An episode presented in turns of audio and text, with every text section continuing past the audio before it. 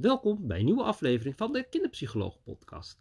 In deze podcast behandel ik een vraag van een luisteraar over prepubers. Wat die schreef, Sander, hartstikke leuk, al die dingen die je doet, met spelletjes, knuffels en zo. Maar mijn kind is al wat ouder en die praat niet en speelt ook niet. En hoe kom ik nou in gesprek met mijn prepuber? Nou, en in deze aflevering ga ik daar een aantal mooie tips meedelen. En één ding wil ik al vast gelijk benadrukken. Ook prepubers en ook oudere pubers willen ook praten over hun gevoelens. Echt waar. En ik ga je laten zien hoe je daar mooie stappen in kan maken. Heel veel plezier met deze nieuwe podcast.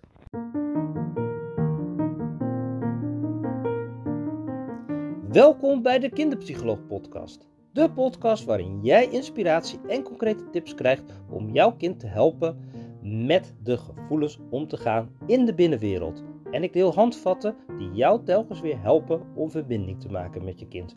Ook als je kind heel moeilijk gedrag laat zien. Mijn naam is Sander Kooijman en ik ben kinderpsycholoog voor kinderen en hun ouders in de leeftijd van 4 tot 12 jaar. En ik neem je graag mee in mijn wereld, met mijn benadering en mijn manier van werken met kinderen.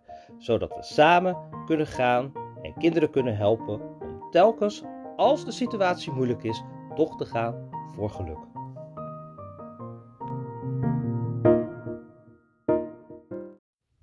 Praten met prepubers is niet altijd even gemakkelijk. Een ja of nee of een de of een boeien komt er dan heel snel uit. Die herkennen we allemaal wel. We hebben allemaal wel prepubers om ons heen of pubers. Want naarmate ze verder in de puberteit komen, gaan ze zich nog wel meer afzetten. we weten van pubers allemaal dat de peers, die worden steeds belangrijker. En ehm, wij ouders, ja, daar gaan ze zich steeds meer afzetten. En dat is natuurlijk belangrijk, want ze zijn bezig met hun eigen identiteit. En die zijn ze ook aan het meten met de buitenwereld. En ze komen in één keer tot de ontdekking. Nou, misschien hebben ze dat wel eerder wel een beetje gemerkt natuurlijk al. Maar dat hoe wij het thuis doen, uh, ja, dat is onze manier. Maar ze zijn ook heel nieuwsgierig en aan het ontdekken hoe anderen in die buitenwereld dat dan doen. Maar dat is ook heel spannend. En er zijn heel veel veranderingen in je lichaam. En dat brengt natuurlijk allerlei onzekere gevoelens ook. En wat doen pubers ook? Ze trekken zich terug in hun binnenwereld. Daarnaast hebben ze ook behoefte aan privé. Nou, zo een aantal kenmerken zo van pubers die ik zo even uh, de revue laat passeren. Er zijn natuurlijk er heel veel. En het is misschien wel goed om eerst eens even terug te gaan van wanneer word je prepuber. Nou, ik hanteer over het algemeen zo 10, 11, zeg maar in dat stuk, misschien 12 ook nog wel, dat je nog niet echt naar de middelbare school gaat. En die overgang naar de middelbare school. En nou ja, als je zelf pubers hebt, dan ken je dat wel. Bij de, als ze naar de middelbare school gaan, ja, dan zie je echt een mega, mega, mega groot verschil. Ehm, dan wordt het echt anders. Maar als ik zo in groep 8 ook kijk, dan merk ik ook daar echt een heel groot verschil. Dat ze echt groot worden. En dat is zo grappig, want nu is het nog kerstvakantie. En als je straks na de kerstvakantie gaat kijken, ik weet het niet wat ze allemaal eten, maar ze zijn allemaal een kop groter en zekerder en dan gaan ze dat echt uitstralen. En ja, ik vind het altijd fantastisch. Want ja, aan het einde van het jaar krijg je altijd die musical. En ik vind het zo fantastisch om dan de kinderen, die ik dan soms als kleutertje gehad heb. Want ik ben heel lang op deze school. Die dan in één keer daar bijvoorbeeld, nou ja, in een bananenpak staan te shinen op zo'n musical. En dan te staan te zingen of, uh, nou ja, in een mooi ander pak of een mooie hoofdrol pakken of gewoon zo op het podium heerlijk staan te dansen of nou in ieder geval is natuurlijk super tof als je een kindje ziet wat uh, eerst helemaal niet zo assertief was en dan zo op het podium. Maar mega grote verschillen. Daar gaat het eigenlijk om. En het is ook gewoon een fase waarin er veel in je lichaam gebeurt en van alles. En niks is zoals het lijkt. Alles lijkt wel in beweging en in verandering. En er zijn natuurlijk ook angsten die er dan ook zijn. En tja, durf je dat onzekerheden, je kwetsbaarheden te delen met papa en mama. Dat is natuurlijk een lastige. En ja, hoe krijg je dan verbinding met een prepuber? Want ik kan jou vertellen, dat Het maakt niet uit of je kind nou 4 is, 6, 8, 10, 12, 16. Allemaal willen ze heel graag praten over hun gevoelens en over hun binnenwereld. Alleen, ja, op welk moment? Dus op het moment dat jij al denkt van, hey, dat kan helemaal niet, of het is moeilijk, of mijn puber wil niet praten, ja, dat is al niet een hele handige houding. En ook in de challenge praten met kinderen over gevoelens. En ook daar is het, het beschikbaar zijn, er gewoon zijn, tijd hebben voor je kind. En ook met je prepuber kan je gewoon, en met je puber kan je ook gewoon tijd boeken. Uh, en ook één op één. En ja, met de puber kan je weer misschien wel wat grotere dingen doen. Ga een groot uitje samen doen. Of uh, ja, en ook nou ja, weet je, even lekker eten halen of zo samen. Of eventjes een wandelingetje of een fietstochtje of whatever. Ook dat zijn de momenten. En dan komen de pubers wel hoor. Ik ging ook um, als puber op die momenten vertellen. Bij mij was het ook tijdens het afwas. Dan ging ik altijd rondjes draaien en dan kwam er ook alles uit. Tja, dus, maar wel op mijn moment, als pubermoment. Op het moment dat ik wil delen. En dan voel ik ook aan, mijn papa en mijn mama, die hebben op dat moment alle tijd voor me. Ja. En dan moet ik me denken aan een ouder en een kindje die ik laatst kreeg. Ook een prepuber. Eentje die, uh, ja, even kijken, groep 7. Dus, uh, nou ja, dus uh, eh, 11 was die. Of is die? Ja, 11. En die gaf eigenlijk aan, mijn mama heeft nooit tijd voor mij. dus interessant hè, nooit tijd. En um, ja, ik had het oude gesprek met de mama al een tijdje eerder gehad. En die gaf aan van, ja, ik krijg echt geen contact. En alleen maar snauwen en boos. En weet je, die, die puberale kanten allemaal. En uh, ja, op een of andere manier willen ze allebei met elkaar in verbinding komen. Maar ze weten niet hoe. En dat is super sneu en super mooi om te horen van jullie willen allebei hetzelfde. Nou, dat kon ik dus al delen met ze van na het eerste gesprek. Maar jouw zoon wil ook contact met jou. En dat maakte uh, voor deze moeder ook weer zoiets van: oké. Uh, dus, maar dat betekent het ook dat ik me echt ook ga aanbieden. En die ging er ook echt doorheen. En nou, dus ik ook afgesproken met het jongetje van kom, we gaan in gesprek en ga Draai het gewoon om, zeg je gewoon papa, mama, ik wil met jullie praten, nodig ze uit voor een gesprek. Zo, heb ik die gedaan. Nou, vond hij te moeilijk, had hij niet gedurfd uiteindelijk. Of um, ook daar was er weer miscommunicatie. Dat is wel echt een hele interessante, dat heel vaak miscommunicatie is. En uh, pubers, uh, prepubers, zijn daarin heel gevoelig. Die hebben al snel het iets van, oké, um, papa en mama die vragen wel iets samen, maar het is een eis. En uh, zijn ze wel echt oprecht geïnteresseerd in mij op dit moment? Hebben ze ook wel echt de tijd? Of uh, zijn ze me aan het uithoren over iets? Weet je zo. Dus als ze dat voelen, ja, dan gaan ze natuurlijk in hun schulp terug. Dus heel belangrijk om open en accepterend en aanvaardend te zijn. Dus als ze met iets komen, dus dat je dan ook, ja, ook echt die steunende ouder naast ze uh, bent. En ik weet wel dat ik als puber had ik dus uh, op scouting tegen een stilstaande auto gereden met mijn fietsje. En ik was natuurlijk gevallen en die voorvork was een beetje zo. En toen kwam ik dus thuis. En de leiding van scouting had gezegd, moet je vertellen aan papa en mama. En ik denk, ja dag, dat ga ik echt niet doen. Dus gingen zij uh, mijn ouders bellen. Even later. Ja, en toen kreeg ik ze dus terug. Van, en wat heb je dit, dit, dit, uh, zo, zo. Dus ja, werden ze alsnog boos. En het is duur en dan moet het naar de fietsenwinkel en weet ik het allemaal zo. En ja, wat, dus, wat, dat, wat dat doet met mij toen als puber, ik ging natuurlijk nog weer meer terug in mijn schulp. En uh, ja, de volgende keer als ik weer iets had, nodigde niet heel erg uit om mijn papa en mijn mama te bellen. En uiteindelijk wil je natuurlijk wel, op het moment dat jouw zoon of dochter ergens midden in de nacht op een feestje is waar het helemaal niet fijn is, dat ze jou bellen en dat jij dan, dat, dat, dat, dat je dan kan komen. En dat, dat, dat ze, als het echt iets is, jouw hulp gaan inschakelen. Dus het is echt mega, mega belangrijk om daarin te investeren. En te zorgen op het moment dat ze komen, dat het winst is voor ze. Dat er dus geen straf is. Ja, dus dat is ook wel moeilijk. En natuurlijk pubers, ja, die uh, gaan de wijde wereld in, maken stappen. En ja, dat is natuurlijk ook wel zo dat daar fouten bij horen. Uh, ja, we hebben allemaal wel in zeven sloten soms gestaan. En ja, dat hoort ook bij het uitvinden van het leven en je identiteit vormen. Dit hoort wel bij mij, dit past niet bij mij. Zo en fouten maken. En ja, uh, bij de pubers is de wereld groter en de fouten zijn ook groter en de consequenties ook. En tuinruim hoort er dan ook een beetje bij voor ons als ouders. Of samen met de puber de puin opruimen van wat er dan is gebeurd. Dus dat is natuurlijk wel echt een hele belangrijke. Nou, even kijken.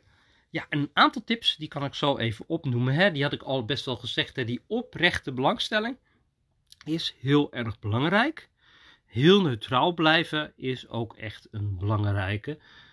Luister, wees een luisterend oor en ja, oordeel niet te snel. Wees vrij accepterend en maak geen verhoor van. Dat is natuurlijk ook een hele belangrijke. En zorg voor veiligheid. Nou, die had ik natuurlijk ook genoemd. Uh, dat je uh, naast blijft. Uh, dat is ook echt een hele belangrijke. En soms is het ook wel heel mooi om zelf als ouder je emoties gewoon te laten zien. En ook te laten zien dat je boos, verdrietig of bezorgd bent of zo. En um, ja, het is nog leuk om weer even terug te pakken op het verhaal van moeder en zoon. Uh, op een gegeven moment uh, had moeder maakte zich echt zorgen, want die zag echt wel een beetje down kind en zo. En die ging gewoon haar bezorgdheid gewoon ook helemaal zo vertellen van ik zie dit en dit en zo en zo. En eigenlijk uh, barstte ze zelf een beetje zo uit. En het interessante wat er toen gebeurde, is dat haar zoon ook eigenlijk in één klap allemaal emoties liet zien. En op dat moment konden ze gewoon eigenlijk met z'n tweeën even janken. En heel veel dingen kwamen er in één klap uit. Over toetsen die in één keer er allemaal waren. En over uh, zorgen met vriendjes en dit en dat. En uh, moeder die had in één keer gedacht, oh, wat gaat er veel om in mijn zoon aan de binnenkant.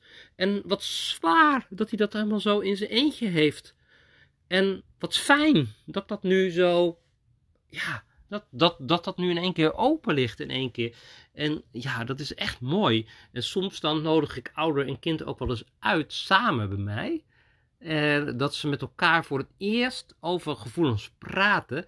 En ja, dan klappen ze vaak. En dan wordt het ook vaak dikke snikken en huilen en knuffelen daarna en samen. En, maar mooi, mooi. En ja, ik vind het altijd fijn als ouder en kind weer meer naar elkaar toe komen. En dan denk ik echt van yes, wat tof, wat fijn. Uh, dus die wil ik graag meegeven. Dus ook met prepubers, ga gewoon naast te staan. Wees er voor ze en wees beschikbaar. Dat zijn echt hele mooie tips die ik nog even aan het einde zo herhaal. De challenge praten met kinderen over gevoelens is niet heel erg gericht op prepubers nog wel. Want ook prepubers, daar kan je natuurlijk over kwaliteiten mee praten. En ook de, de basisemoties ook mooi doen. Uh, dan zou ik wel de uitgebreide versie ervan doen. Daar heb ik ook tips op gegeven. Dat je ook naar schaamte, schuld, jaloezie um, gaat. Een beetje de moeilijkere emoties ook pakt. Um, dat is natuurlijk heel interessant, want de wereld van pubers is verliefd. Is misschien ook wel heel leuk om te doen, weet je zo. Ja, daar zijn natuurlijk allerlei vragen over. En ja, dat is natuurlijk ook gelijk een beetje moeilijk. Van ja, hoe ga je daarover praten? Maar ja, weet je, um, die vragen zijn natuurlijk wel en die gevoelens zijn er bij pubers zeker. Dus ja, nou ja, we zijn allemaal puber geweest. En hoe fijn is het om er wel over te praten. En ja, dus zit het hem ook echt in het doen.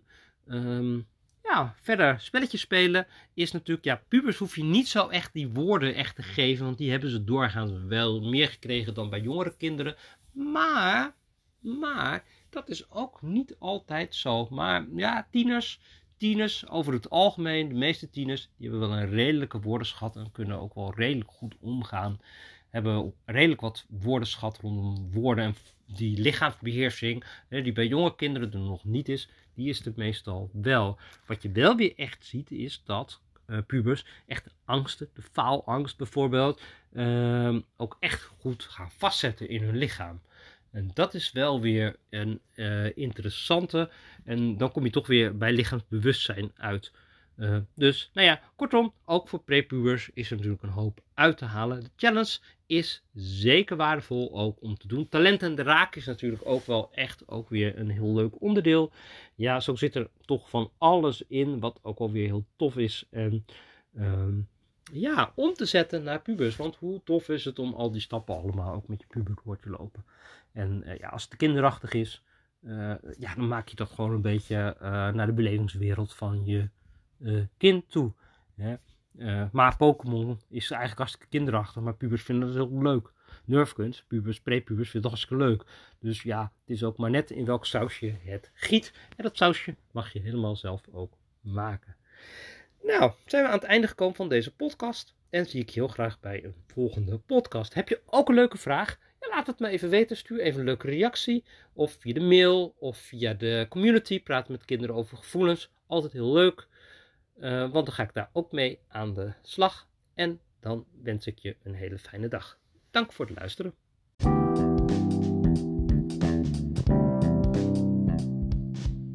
Super leuk dat je luisterde naar een aflevering van de Kinderpsycholoog podcast. Wist je dat je heel simpel een review kan achterlaten? Ga naar de podcast app waarmee je deze podcast luistert en klik op reviews. Laat bijvoorbeeld 5 sterren review achter of nog leuker een geschreven review. Hartstikke bedankt. Ben je over deze podcast enthousiast geworden en over mijn benadering? En wil je nog veel meer weten en ontdekken over praten met kinderen over gevoelens? Dan heb ik nog iets heel waardevols voor je. Ik heb namelijk een e-book geschreven met 25 weetjes over praten met kinderen over gevoelens. Hier vind je 25 weetjes, tips of handvatten waarmee je direct een stap kan zetten. Ga naar de website jeugd- en kinderpraktijkrota.nl en bij gratis vind je het e-book en nog veel meer, waaronder ook mijn masterclass Boosheid bij kinderen beter begrijpen en praten met kinderen over gevoelens. Deze masterclasses geef ik ook heel regelmatig.